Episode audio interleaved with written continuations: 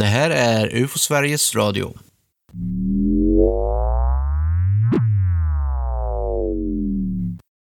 Nittonde februari, Första mars, 13 mars, 23 mars, 25 mars, 28 mars, 1 april, 8 april, 11 april.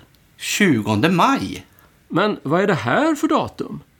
Häng kvar så får du svaret i UFO Sveriges Radio. Vi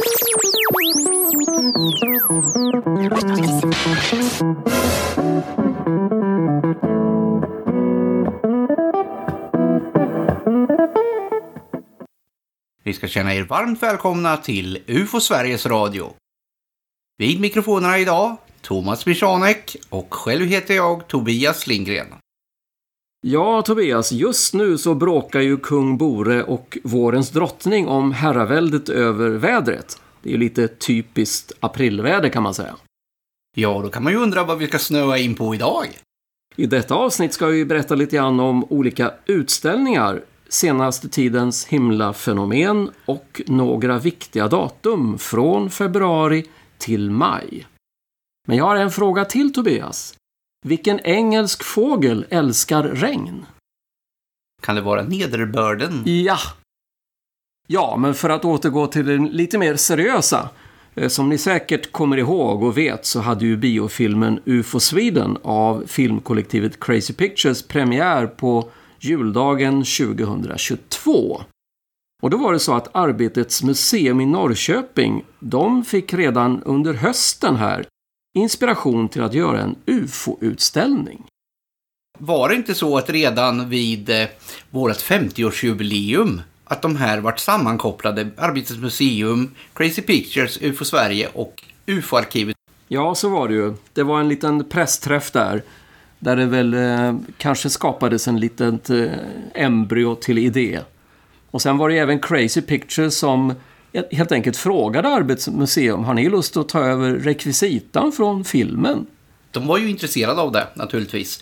Därefter har det ju då växt. Och i flera månader nu så jobbade man alltså på att färdigställa den här utställningen.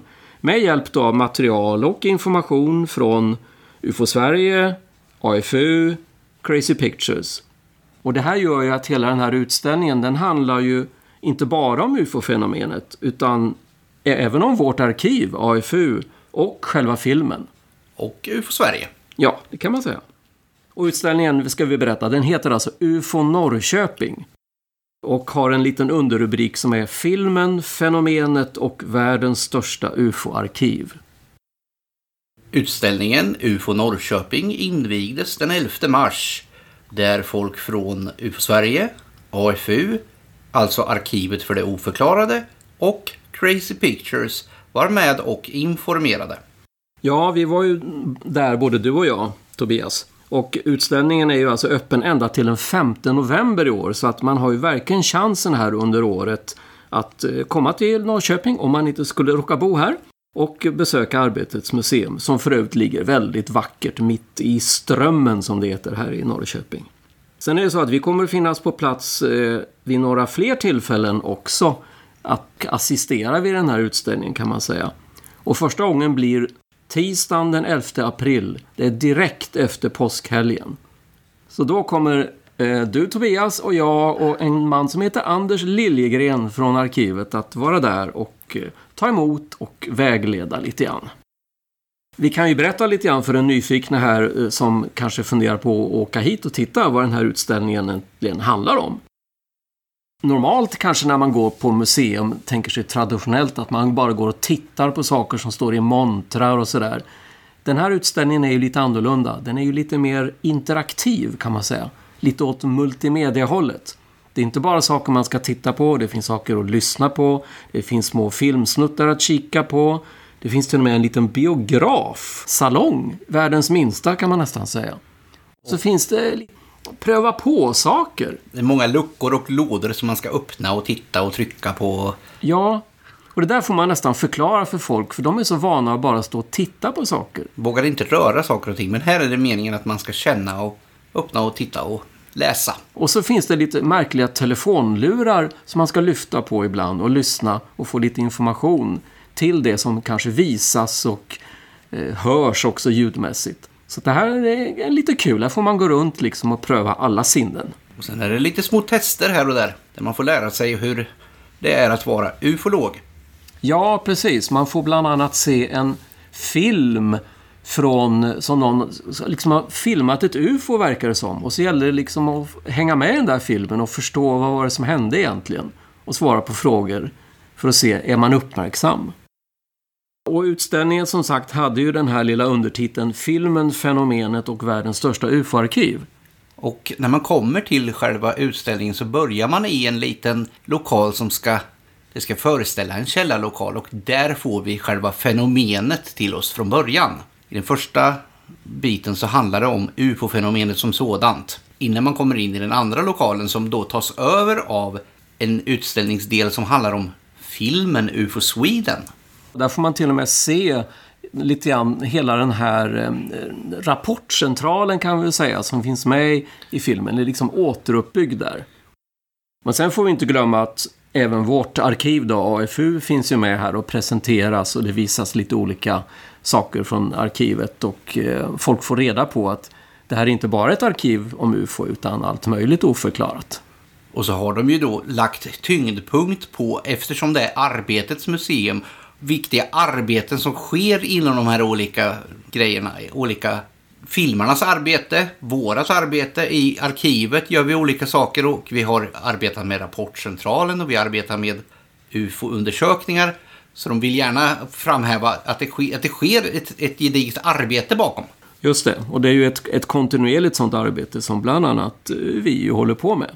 Så att det, det är väl en av poängerna med att just Arbetets museum arrangerar det här.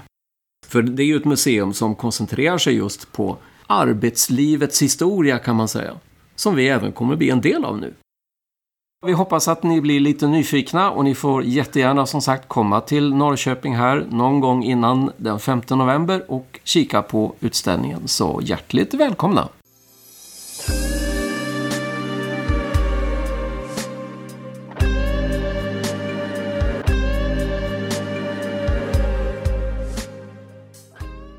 Det där var alltså om utställningen UFO Norrköping. Men vi inom UFO-Sverige, vi gör ju också våra egna utställningar om fenomenet och även om oss som förening. Det är ju så att varje år så anordnar vi någonting som vi kallar för ett UFO-expo en eh, lördag i maj månad. Förra året hade vi ju den i Norrköping och då var den extra stor och extra påkostad ihop med både AFU och Crazy Pictures. Ja, och det var ju till och med ett halvår innan filmen hade premiär. Så det var ju verkligen lite förhandstitt på vad det här kommer att handla om. Och det var ju en väldigt stor succé. Skådespelarna var ju där och Crazy Pictures eh, visade lite klipp lite i hemlighet. Man fick inte filma eller någonting utan man fick lite reda på hur filmen kommer att se ut efter ett eh, ja, drygt halvår innan. Många var väldigt sugna då. Men om vi återgår till i år. I år kommer vi alltså ha vårt UFO-expo. Nu är det lördagen den 20 maj. Och då kommer vi vara i Västerås. På ett ställe som heter Växthuset. Växthuset? Blommor och grönsaker? Nej, nej, nej. Växthuset. Utan ett eh, T där i mitten. Med nät på slutet. Ja, precis. Som ni kanske vet så arrangerar vi det här UFO-expot på olika platser i landet eh, varje år. Och nu är vi som sagt, kommer vi vara i Västerås. Till den här utställningen så hör det också föredrag som vi brukar hålla. Det kommer att handla om lite märkliga UFO-fall. Och vad som händer i USA om det här nya UAP-begreppet. Och sen Tobias så kommer väl du också? Jag ska snacka lite om eh, bilder genom historien. Och det kan nog vara allt möjligt. Den som är där kommer att få se och det kommer att bli väldigt spännande. Ja, det blir ju, det är ju väldigt visuellt kan man ju säga. Och sen på det här expot så säljer vi också böcker och olika tidskrifter och vi har ju vår webbutik som också kommer att ha sina prylar där till försäljning. Så det händer mycket på vårt expo. Det händer också något mer den här dagen för, för medlemmar. UFO-expot ingår ju liksom i en del av det som vi kallar för riksstämma. Vi är ju en riksorganisation och då har vi stämma den här dagen, alltså egentligen vårt årsmöte då. Och dit är alla medlemmar välkomna. Kallelse som det brukar vara, den har redan gått ut med det som vi kallar för ett medlemsbrev och det finns även info på våran webbplats om detta. Men är man väldigt sugen så kan man ju bli medlem i dörren. Ja, det kan man ju absolut bli. Bara komma dit och betala sin lilla peng. Så tidsprogrammet för den här dagen då, lördagen den 20 maj, det är ungefär så här att vi har årsmötet då klockan 10. Och sen öppnar utställningen för allmänheten då klockan 12. Och så ska vi hålla på till ungefär 17.30. Och då kommer de här föredragen då att hålla på där under förmiddagen parallellt med utställningen då kan man säga. Men inte kan vi gå där hela dagen. Vi kommer ju bli lite sugna på någonting här. Det kommer att... Ja, just det. Då brukar vi ju faktiskt ha en kiosk också.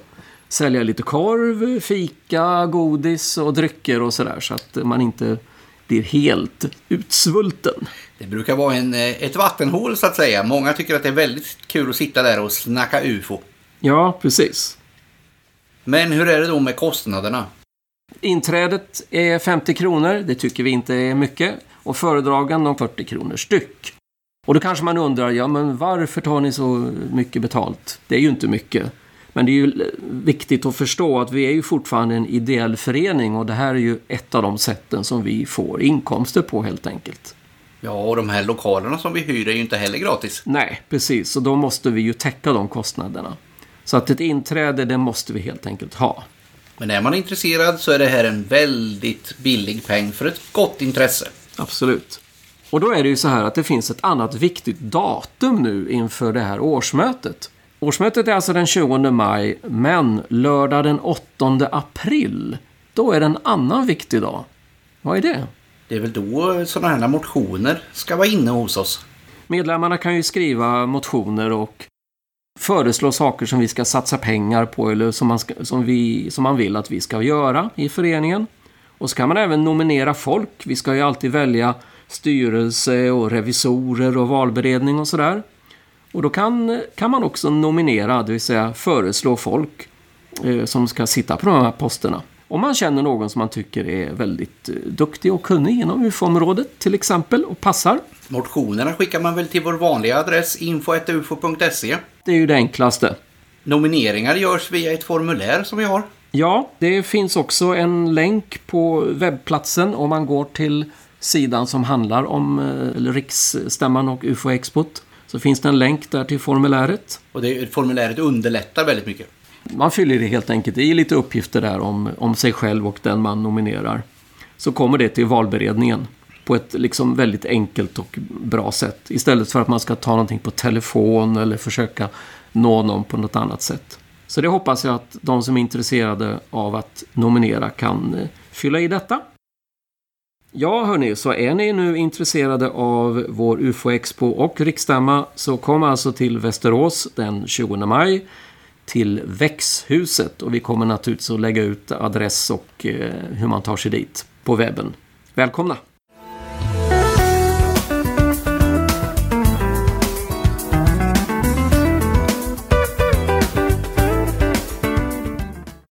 Senaste månaden har ju ett antal himlafenomen eh, gett eh, både spår i tidningarna och i vår rapportcentral här till UFO Sverige. Ja, vi kan ju börja i tidsordning då. Den 19 februari så var det ju så att det kom en bolid över södra Sverige och syntes ända ner till norra Tyskland. Och en bolid är alltså en ljusstark meteor som lyser upp på himlen och så ser man den i ett antal sekunder och så försvinner den. Och det var ju många rapporter som kom in här, både till vår rapportcentral som sagt och på Facebook och sådär. Och lite typiskt för just när man ser sånt och inte förstår vad det är, det är att man får en ganska felaktig uppfattning om avståndet. Man tycker att det är mycket närmare än vad det är. Man, man ser ett ljusfenomen som kanske försvinner över skogskanten och så tänker man det slog ner där borta i skogen. Och det är väldigt tydligt att det, att det upplevs som otroligt nära. Och det har ju att göra med att det är så ljusstarkt. Ett vanligt stjärnfall är ju liksom bara ett litet streck på himlen. Men det här är någonting helt annat. Det är hela tiden när vi får in bolidrapporter att, att de verkligen upplever det som att det är supernära. Många då- har ju till och med försökt att åka och leta efter den med bil. Ja, Och det där leder ju liksom folk till att göra helt andra tolkningar av vad de har sett liksom. Så, så är det ju. Men vi hade ju också ännu mer uppmärksammat, ska vi säga, runt den första mars. Då var det ju så att det uppstod en så kallad konjunktion mellan Venus och Jupiter på himlen. Och konjunktion är alltså att två stycken planeter står nära varann helt enkelt. De är ju inte nära varann egentligen, men de ser ju ut att vara Upplevs det. att vara nära. De Ja. var ju förhållandevis nära både datumen före och efter också. Men just vid den första mars var de som närmast. Och då small det till. Ja, och det är ju lite lustigt för att jag menar, de här planeterna har ju lyst på himlen både före och efter. Men det är liksom ingen som har tänkt, tänkt på det då, utan det är först när de närmar sig varandra då man tänker att nu händer det något konstigt. Och det var ju till och med så att polisen blev inblandad här också. De blev nedringda av folk som eh, såg det här, de här två ljuspunkterna väldigt nära varandra och tänkte att Åh, är det en helikopter som är ute eller är det drönare? Och det var ju uppmärksammat med spionballonger också för ett tag sedan. Och då tänker folk, oj, är det de som flyger över Sverige nu? Ja, inte för inte. Det var ju ballonger över USA som var väldigt uppmärksammade. Och det här gav ju då som sagt många inlägg på Facebook och meddelanden till oss på olika sätt. Och rapporter då in till Rapportcentralen. Från slutet av februari till liksom början av mars där. Och folk var ju genuint oroliga. Och det beror ju lite grann, skulle jag tro, på världsläget. Det händer ju saker nu liksom som är kopplat till kriget och all annan upprustning, vad man ska säga. Eh, Och det gör ju att folk blir fundersamma. Är det någonting som händer i Sverige liksom? Är det på gång hit nu? Så det får man ju förstå. Man kanske drar förhastade slutsatser utan att ta reda på riktigt vad det är och så. Man tolkar liksom det man ser efter någon slags kontext, vad som händer i omvärlden och blir fundersam. Och det är ju, visar ju att folk är helt enkelt inte så vana att titta på stjärnhimlen och se vad vad det är som finns där normalt. UFO Sverige fick ju in väldigt många rapporter. Så efter samma dag som den här konjunktionen var så la vi ju ut en text om hur det fungerar på vår webbsida där. Så att man skulle kunna läsa och se vad det är som handlar om. Och då, då slutade rapporterna komma till UFO Sverige. Så var det säkert, men sen var det ju samtidigt så att det även fortsatte ändå då i media så att säga och på andra sätt så, så blev ju folk fortfarande fundersamma kring detta. Men de som tog sig ända till UFO Sveriges webbsida förstod vad det var. Ja, precis. Det är ju en av våra uppgifter, trots allt, att upplysa folk om fakta. Men generellt kan man ju säga att liksom, det är ju folks inställningar till vad UFO är och vad olika ljusfenomen kan vara. Det är det som präglar liksom hur man uppfattar och tolkar det man ser. Det där är jätteviktigt att förstå. Att eh, man är inte alltid så objektiv och faktamässig kanske när man ser någonting som man inte förstår. Utan man, man kopplar in liksom sina egna förutfattade meningar kan man säga och, och liknande. Och så får man, kan man få det till allt från rymdskepp då till utländska militära operationer. Men så var det något så enkelt kan man säga som två planeter. Men det hände ju också andra saker på himlen här. Det var ju mycket skriverier i media om norrsken. Och då gick folk man ur huset för att försöka se de här norrskenen långt ner i södra Sverige också. Ja, vi har ju till, till exempel en styrelsemedlem som bor i Lund som ju till och med kunde se norrsken nere i, i Skåne. Och det är ju väldigt ovanligt, så är det ju. Men fördelen med, med norrsken ur vår synpunkt är att det är väldigt få som misstolkar det som någonting annat. Så är det ju. Vi får inga rapporter om norrsken. Nej. Men de är väldigt vackra att se och har man möjligheten så ska man ta den. Ja. Men det fanns ju även andra lite mer ovanliga ljusfenomen som eh, syntes på himlen här ganska nyligen. Den 23 mars var det nämligen så att det skickades upp en raket från rymdbasen S-Range som ligger utanför Kiruna. Den här raketuppskjutningen den släppte ut lite olika mät, mätinstrument kan man säga eh, som orsakade då ljusfenomen i framförallt i Lappland då kunde man se. De släpper ut gas av olika sorter som gör ljusfenomen i motljus. Ja, och det blir liksom gröna och blåa. Det är som ett litet mini-artificiellt norrsken. Ja, det, precis. Men det blir som en eh, kakafoni där på himlen som ser jättekonstigt ut. Och vi har fått in åtminstone ett foto från folk som har sett det där. Och naturligtvis undrat vad det är för någonting.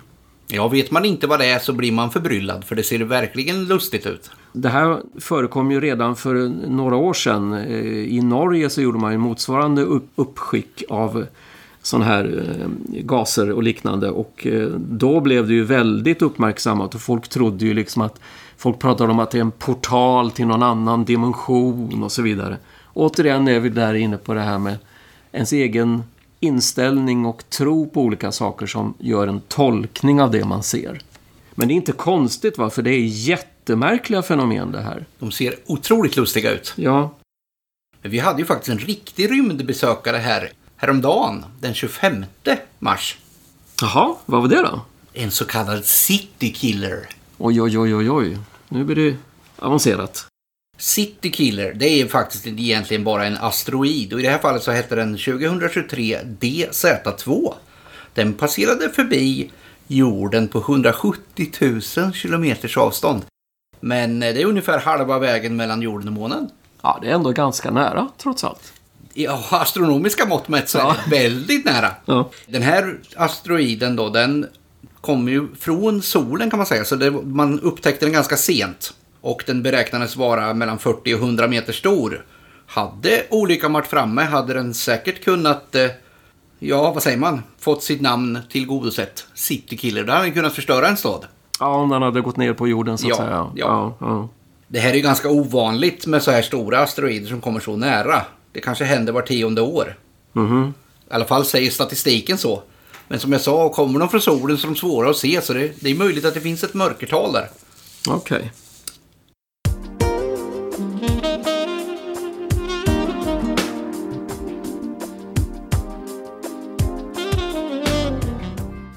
Vi fortsätter lite grann med himlafenomenen här. Därför att den 28 mars, som faktiskt råkar vara just den dagen då vi spelar in det här avsnittet, då är det ytterligare någonting som händer på himlen. Tobias, vad är det för någonting? Det är ju ett himlafenomen som vi kallar för planetlinjering. Jag vet inte riktigt vad man säger. Man säger alignment på engelska. Låter lite coolare, låter lite bättre. Det, det handlar ju om att planeterna befinner sig på ett väldigt litet område sett från jorden. Det här med att det är en linje får man väl kanske ta lite med en nypa salt. För egentligen handlar det ju om att, är, att de är nära varann. Ja, Okej. Men vilka planeter är det frågan om då? Eh, Det handlar om Jupiter, Merkurius, Venus, Uranus och Mars. Och de då samlas inom ett område som är 50 grader. Det är inte lätt att förklara vad 50 grader är, rakt upp och ner. Men jag kan försöka. Om man tänker sig att man håller i en låda som är kanske 85 centimeter. Då sträcker man ut armarna lite åt sidorna så här. Och det då motsvarar ungefär en vinkel på 50 grader. Och inom, Ah, okej. inom den vinkeln då så befinner de här sig allihop. Ja, det är ju knappast en väldigt spikrak linje. då, Nej, inte. nej, verkligen inte. Och eh, var ser man de här då? Jo, om man går ut och tittar så ser man månen. Söder om månen skulle man kunna säga, eller under månen mot där solen just har gått ner. Befinner sig alla de här på då en tänkt linje. Men man ser väl inte alla med blotta ögat va? Nej, det? det gör man ju inte. Möjligen har man tur så kan man få korn på Merkurius, men de är ju väldigt nära solen. Så att de, risken är att de drunknar i solens ljus där. Och där befinner sig också Jupiter. Mhm. Om man går ungefär halvvägs upp till, till månen som jag sa, som ligger ovanför, så kommer man att se Venus. Venus är enormt ljusstark, så den går inte att missa. Ja, just det. Nära Venus befinner sig Uranus. Den ser man inte om man inte har en bra kikare. Och uppe vid månen då så befinner sig också Mars. Och då har vi de fem planeterna på en tänkt linje. Man kan tänka sig att det här är ganska ovanligt, att det här händer sällan. Så är det ju inte. Kommande datum för så kallade linjeringar 11 april, 24 april, 29 juni, 17 juni, 26 juli och 24 augusti för att lämna några datum. Men då kan man ju fråga sig, nu det här med att planeterna linjerar sig. Får det någon effekt liksom? Eller händer det någonting då? Eller vad? Ja. Det gör det ju egentligen inte, men ofta är det sociala medier där det kommer många sådana här konstiga uttalanden och konspirationsteorier om att de här planeterna då har någon sorts effekt på gravitationen, orsakar tsunamier, jordbävningar och globala katastrofer. Men eh, det är naturligtvis nonsens. Man kan ju naturligtvis detektera gravitationsförändringar men de är ju ytterst små för oss på jorden. Mm. Men för den rymdintresserade är ju här kul för att det har med astronomi att göra. Man, man får någonting och, och det blir en stackis. Ja, man kan ju säga att när man jobbar inom UFO-Sverige med rapporter och sånt så är ju just astronomikunskap ganska så viktigt. Det här är ju ingenting som leder till någon, någon rapport förmodligen, men just det här att lära sig om stjärnhimlen, planeter, hur det funkar där ute. Det är jätteviktigt. Och spännande.